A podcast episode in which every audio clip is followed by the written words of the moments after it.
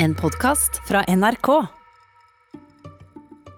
Før vi begynner dagens episode, så vil jeg at du skal plassere fingeren din under det ene neseboret ditt.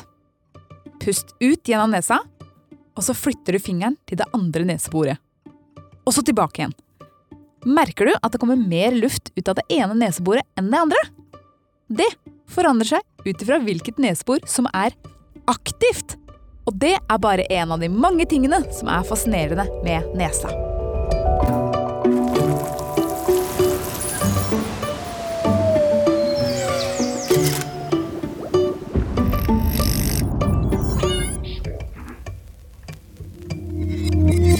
Hello og hjertelig velkommen til en ny episode av Smartere på ti minutter. Podkasten hvor jeg, Selda, forteller deg om fakta, vitenskap, historie og andre morsomme temaer som gjør deg forhåpentligvis litt grann smartere, og det i løpet av maks ti minutter.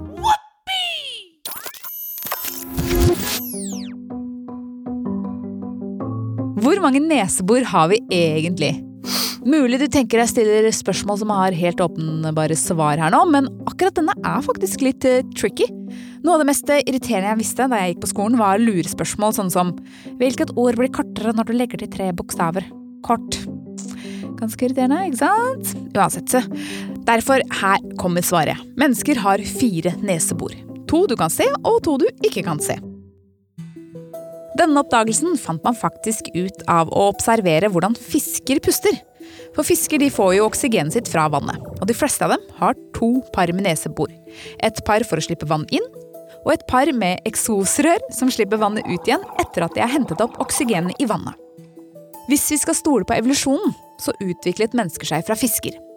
Vi steg opp fra havet, sakte, men sikkert over millioner av år. Men da blir spørsmålet hvor ble det av vårt ekstra par med nesebor? De snek seg bakover i hodet og ble interne nesebor som kalles for koana. Det er gresk for trakt, og er jo ganske beskrivende for funksjonen de har. En trakt ned i svelget, rett og slett. Disse to neseborene er direkte knytta til halsen og er grunnen til at vi kan puste gjennom nesa.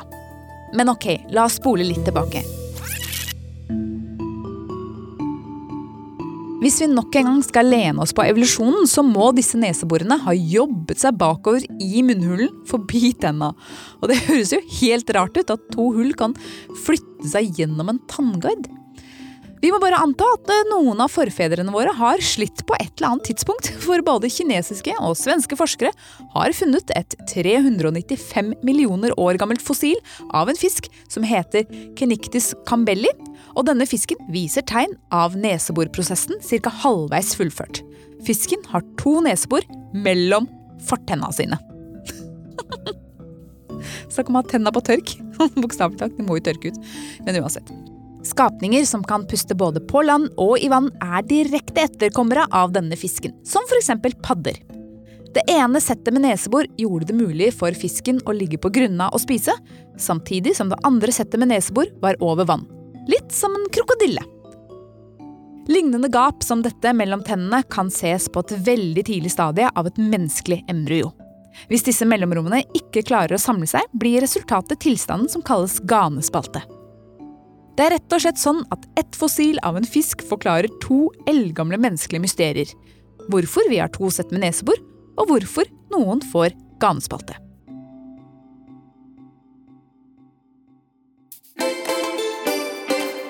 Moderne forskning på neser viser at vi bruker de to neseborene vi har på utsida av kroppen ulikt.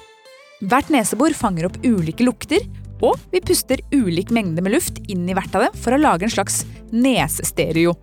Luktecellene er også en av svært få celletyper i kroppen som kan dannes på nytt etter fødselen. De fornyes hver 30. til 60. dag. Men alt det som er spennende med nesa og luktesansen vår, stopper ikke der. Du har sikkert lagt merke til at lukten av en gammel parfyme eller julemat gjør gamle minner veldig sterke og levende. Vel, det er bl.a. fordi luktesansen er den mest sensitive sansen. Mennesker kan huske lukt med 65% nøyaktighet etter et helt år. Mens et visuelt minne, altså noe vi har sett som vi husker, er nede i 50% nøyaktighet etter bare tre måneder. Forskning har vist at lukt er den følelsen som er mest forbundet med de emosjonelle minnene dine. Så mye som 70% av menneskets følelser utløses av lukt forbundet med lykke, trivsel, følelser og minner. Tenk på noe koselig nå. Eller tenk på en koselig lukt. Julelukt, kardemommelukt. Mm. Å, den tette nesa mi igjen. Men dette går også hånd i hånd med hjernen din. Den delen av hjernen din som prosesserer lukt, er knytta til det limbiske systemet i hjernen, eller på folkemunne de eldste delene av storhjernen. Ja, det er ikke sånn man sier det på folkemunne heller, men uansett. Hvilke følelser som vekkes i deg, bestemmes av din tidligere erfaring med den samme lukten. Samt eh, tilstanden i kroppen din når lukten inntas. En lukt som vekker sult og forventning når det er lenge siden du har spist, kan f.eks. gjøre deg kjempekvalm om du er overmett når du lukter den samme lukta. Som en liten digresjon så kan jeg jo nevne at deler av dette systemet i hjernen gjennomgår ganske store endringer ved gjentatt rusmiddelmisbruk. Og disse endringene har mye å si for opprettholdelsen av avhengigheten. Så husk det neste gang du tenker at det bare er å skjerpe seg hvis noen har et rusproblem. Det er også sånn at Luktesansen er en av grunnene til at du som regel opplever våren som noe kjærkomment. Noe du gleder deg til. Du har sikkert opplevd at det å gå ut av døra i mai er en eksplosjon av inntrykk. Det er faktisk helt riktig, for du kjenner lukter sterkere om våren og sommeren enn om vinteren pga. økt luftfuktighet. La meg også trekke fram en moderne oppfinnelse luftrenseren.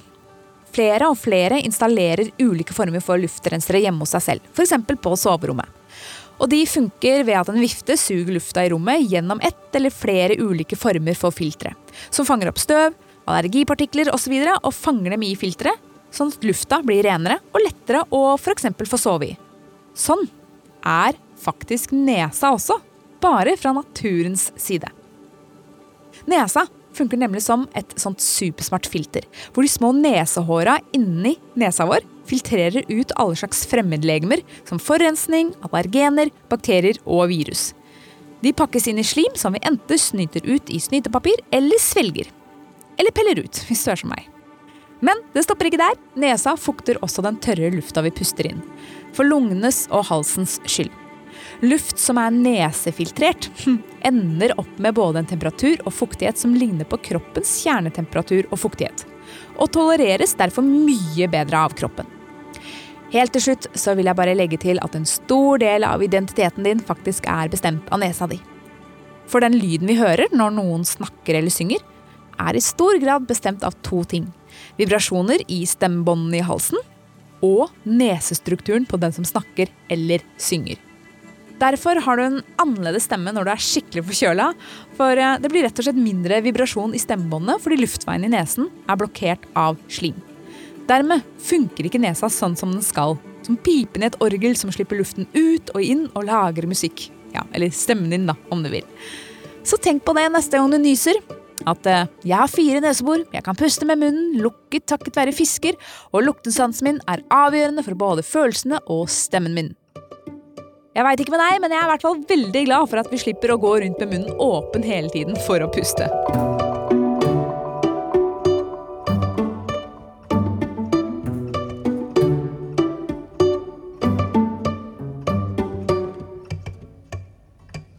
Du har hørt en podkast fra NRK.